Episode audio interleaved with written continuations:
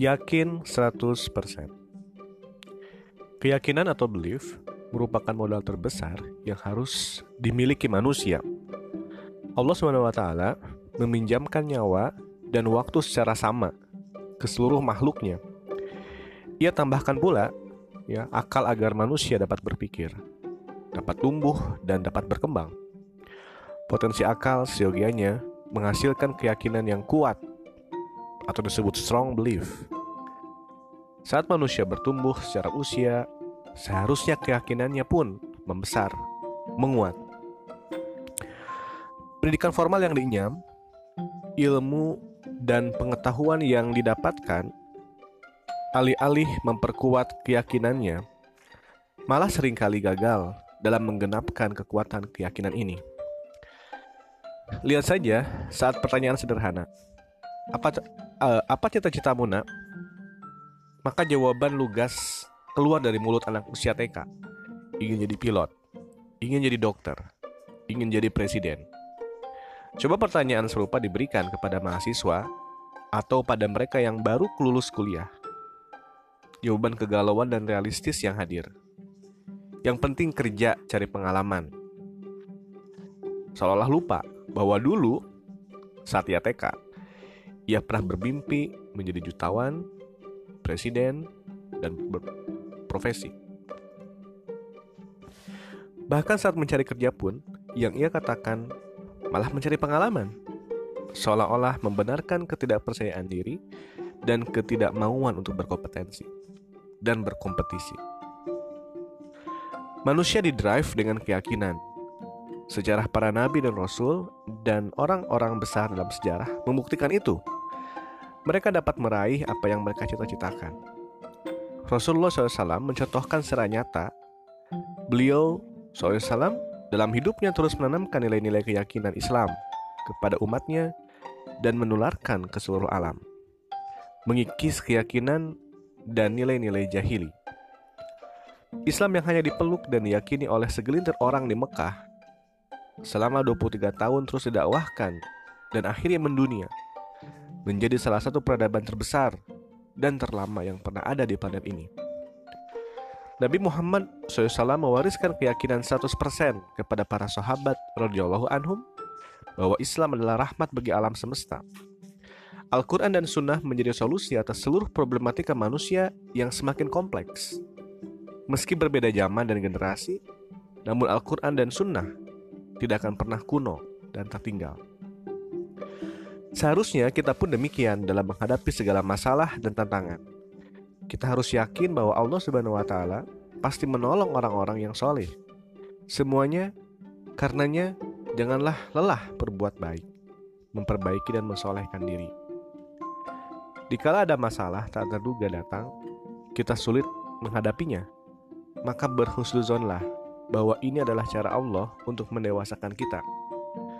Misalnya, tiba-tiba bisnis kita bangkrut, usaha tutup, diberhentikan dari tempat kerja, maka yakinlah bahwa Allah telah menyiapkan rizki yang berkah dan lapang. Bukankah manusia sesungguhnya makhluk yang tak berdaya, yang harus diingatkan dengan kesulitan-kesulitan untuk membangunkan dirinya bahwa ia adalah lemah, tak berdaya, dan tidak layak untuk sombong. Sakit yang tak kunjung sembuh Sesungguhnya terkandung hikmah dan pelajaran yang sangat besar. Dengan sakit ada pahala besar. Dengan sakit ada pahala sabar. Pengobatan dan membuka kebaikan lagi yang men, e, membuka kebaikan bagi yang menjenguk. Di samping itu bagi yang sakit yang memiliki waktu luang untuk merenung, berhenti sejenak dari kesibukan aktivitas rutinnya. Sedikit peluang baginya untuk berbuat maksiat. Tidak mungkin bagi yang tengah demam berbelanja ke sana kemari yang memerlukan banyak energi. Singkatnya, ia dapat memanfaatkan waktu penyembuhannya itu untuk bersikir kepada Allah.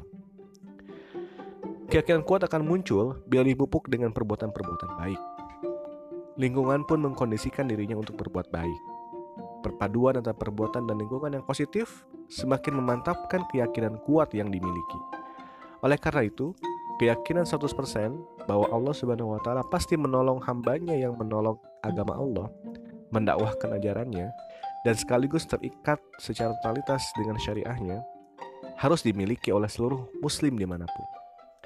Mari kita tengok firman Allah Subhanahu wa taala dalam Quran surat Fusilat ayat 33 yang artinya siapakah yang lebih baik perkataannya daripada orang yang menyuruh kepada Allah mengerjakan mengerjakan amal yang soleh dan berkata sesungguhnya aku termasuk orang-orang yang men, yang menyerah diri.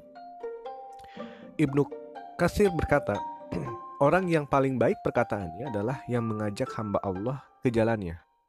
Tafsir Al-Quranul Azim halaman 240 Sementara itu Al-Alusi berkata, yang dimaksud ayat tersebut adalah orang yang berdakwah untuk mentauhidkan Allah dan taat kepadanya. Ayat ini mengandung mencakup setiap orang yang mengajak ke jalan Allah, termasuk dai dan juga muazin. Demikian pendapat Al Hasan Al Basri, eh, Makoti dan mayoritas ulama. Demikian pula dalam Quran surat Muhammad ayat 7.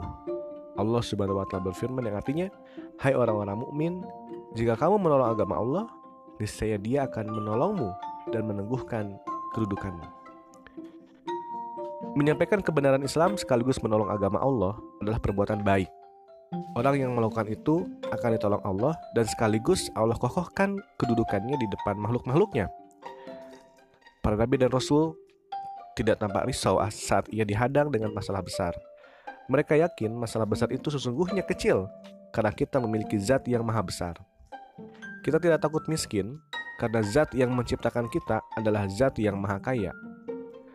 Selalu gagal dalam bisnis bisa jadi bukan karena ikhtiar yang tidak optimal, namun karena doa yang kurang maksimal. Ditolak bekerja oleh banyak perusahaan dan rekan bisnis bisa jadi bukan karena kurangnya upaya dan belajar, melainkan karena tidak disertai keyakinan bahwa Allah Maha memudahkan segala urusan. Bahkan bila cobaan begitu datang bertubi-tubi, maka yakinlah bahwa itu adalah cara Allah Subhanahu wa taala menajamkan kepribadian kita, menghaluskan budi dan ego kita dan sekaligus memuliakan kita. Kembali pada topik awal. Kenapa semakin tinggi sekolah, mimpi dan keyakinan berubah menjadi realistis? Apakah kemampuan atau kompetensi yang dimiliki tidak menjangkau mimpi tersebut? Ataukah terdapat mimpi lain yang lebih tinggi? Atau ataukah itu disebabkan keyakinan semakin terkikis? Pendidikan dengan platform rasionalitas biasanya menghasilkan manusia yang sangat realistis. Buktinya dapat dilihat dari rata-rata lulusan yang memilih sebagai karyawan dan pekerja dibandingkan sebagai pengusaha yang membuka lapangan kerja baru. Menjadi pekerja dapat dikatakan miskin tantangan. Karena yang ia lakukan hanyalah datang ke tempat kerja, lalu pulang sesuai waktu yang disepakati, lalu mendapatkan gaji e, baik itu harian, mingguan, atau bulanan. Ia tidak perlu pusing memikirkan profit tempat kerjanya. Sebaliknya, wirausahawan harus terus berpikir inovatif, peka terhadap perubahan dan tantangan. Di samping itu, ia harus menyiapkan strategi untuk membaca peluang. Itu dilakukan agar apa yang ia usahakan dapat menghasilkan keuntungan. Dengan hasil tersebut, ia dapat menggaji karyawannya, di samping ia mengambil keuntungan dari usahanya tersebut. Pertanyaannya adalah, apa kabar mimpi-mimpi sejak kecil itu. Berapa sulit menjangkau keinginan yang dulu begitu yakin dapat tergapai. Bila direnungkan, maka ini berkaitan dengan konsep hidup. Kita sering kali terlalu rasional dan menjadikan hasil pendidikan yang penuh dengan ide materialisme menjadi pijakan untuk menatap masa depan. Mungkin termasuk orang tua kita. Betapa sering kita mendengar ungkapan harus rajin sekolah supaya pandai. Dengan kepandaian tersebut, maka ia dapat diterima di sekolah favorit sejak level dasar, menengah hingga perguruan tinggi. Diterima di sekolah bereputasi menjadi kebanggaan. Masa depan cerah hanya menunggu waktu saja. Hingga kita lupa kepada siapa sesungguhnya sekolah ini diorientasikan. Seolah-olah sukses itu adalah memiliki pekerjaan dan kekayaan, atau mimpi itu hanya dapat diraih bila ia selesai mengenyam pendidikan di sekolah atau kampus yang terbaik, bila perlu kampus di luar negeri. Ia lupa bahwa hakikat kesuksesan itu disebabkan pertolongan Allah Subhanahu wa taala. Allah mengizinkan kita sukses dalam konteks sukses menurut ukuran dunia. Namun tentu saja tidak cukup berhenti di sana. Buat apa sekolah tinggi, harta melimpah, namun ia defisit akhlak mulia, tidak dekat dengan Allah, tidak dapat mendoakan kedua orang tuanya. Buat apa bila harta kekayaan yang ia dapatkan dipahaminya sebagai murni jerih payah perjuangan ia sendiri, tidak melibatkan Allah Subhanahu wa taala sedikit pun. Benar, ia meyakini bahwa visi hidup dapat membawa ia menjadi sukses. Namun ia lupa bahwa ada peran besar Allah Subhanahu wa taala. Di sinilah titik kritisnya. Tentunya Islam tidak mengajarkan pemeluknya untuk pesimis, karena visi besar itu dicontohkan oleh Rasulullah SAW dalam perjuangan dakwahnya. Rasulullah SAW memberikan gambaran masa depan umat Islam kelak. Islam sebagai rahmatan alamin sudah didesain untuk manusia secara keseluruhan, bukan hanya untuk bangsa Arab saja. Artinya, sedari awal, adinul Islam ini diturunkan Allah SWT untuk untuk manusia keseluruhan. Maka saat Rasulullah SAW menyitir mengenai kondisi masa depan tentang akan adanya pasukan Islam terbaik yang nanti dapat menduduki kekuasaan Heraklius atau Konstantinopel, informasi ini diperjuangkan dengan sangat baik oleh generasi-generasi setelahnya hingga masa hidup Muhammad Al-Fatih.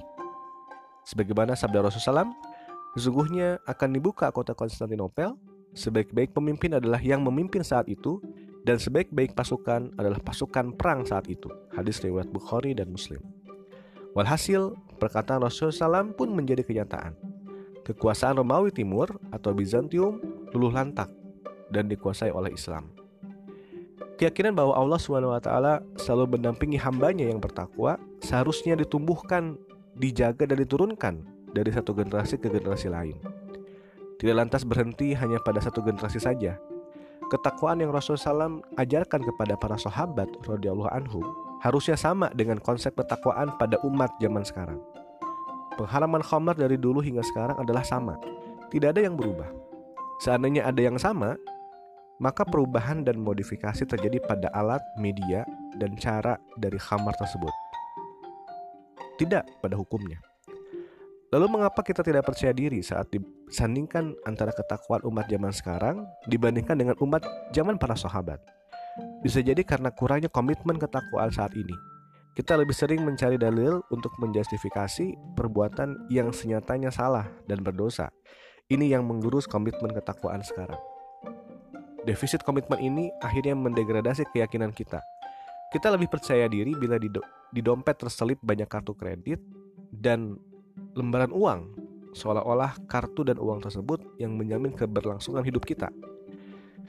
Kita merasa jumawa dan tentram saat asuransi jiwa, kesehatan, dan pendidikan bagi diri dan anak kita dapat kita bayar. Seolah-olah asuransi-asuransi tersebut menjamin segala hal yang terkait dengan hidup kita. Hingga tak sadar kita telah mengurangi porsi Allah Subhanahu wa taala dalam mengatur hidup kita. Sedikit demi sedikit kita mulai mengalihkan komitmen penghambaan kita terhadap dunia dan pernak-perniknya. Ini yang sejatinya menggerus keyakinan 100%. Saat sedekah dikaitkan dengan kesehatan, memperlancar rizki dan dikabulkannya doa, serentak terhenyak dan aneh. Bukankah memberi dilihat dari kacamata kapitalisme akan mengurangi aset yang sebelumnya diusahakan dengan tenaga dan waktu? Namun realitas menunjukkan tidak ada yang bangkrut baik usaha ataupun keuangan rumah tangga dengan sedekah. Bahkan rizki yang didapat menghampiri berkali-kali lipat. Hanya dengan kaca, kacamata takwa sajalah semua soalan ini dapat dijawab. Dalam Al-Quran surat At-Tolak ayat 2 dan 3, Allah Subhanahu wa taala berfirman yang artinya, barang siapa bertakwa kepada Allah, niscaya dia akan mengadakan baginya jalan keluar dan memberinya rizki dari arah yang tiada disangka-sangka. Ibnu Taimiyah mengomentari ayat ini bahwa Allah akan menghilangkan bahaya dan memberikan jalan keluar bagi orang yang benar-benar bertakwa padanya. Allah akan mendatangkan padanya berbagai manfaat berupa dimudahkannya rizki. Kemudian dijelaskan pula bahwa Allah memberi rizki pada orang-orang yang bertakwa tersebut dari jalan yang tidak terduga. Rizkinya tidak mungkin diperoleh dengan cara-cara yang haram. Juga tidak mungkin rizki mereka dari yang kobits atau yang kotor-kotor. Orang-orang yang bertakwa tidak akan bisa dihalangi dari rizki yang dibutuhkan. Ia hanyalah dihalangi dari materi dunia yang berlebih sebagai rahmat dan kebaikan padanya. Karena boleh jadi diluas diluaskannya rizki akan membahayakan dirinya. Sedangkan disempitkan rizki malah mungkin sebagai rahmat baginya. Singkat kata ketakwaan menjadi magnet rizki yang sesungguhnya. Dalam surat dan ayat yang tersebar dalam Al-Quran orang-orang bertakwa dinyanyikan oleh Allah Subhanahu wa taala berikut ini. Satu, selalu diberikan jalan keluar dari setiap permasalahan yang menghampiri. Dua, selalu diberikan rizki dari arah yang tidak disangka-sangka. Tiga, selalu diberikan kemudahan dalam segala urusan. Empat, diberikan furqon dalam menegakkan kebenaran. Lima, dihapuskan segala kesalahan dan dilipat gandakan pahala baginya. Enam, selalu selalu selalu mendapat petunjuk dari Quran dari hati atau kalbiahnya. Tujuh, mendapatkan kemuliaan di hari akhir nanti dan di hari hisab. 8. Allah SWT menjanjikan surga 9. Menjadikan kekasih Allah 10.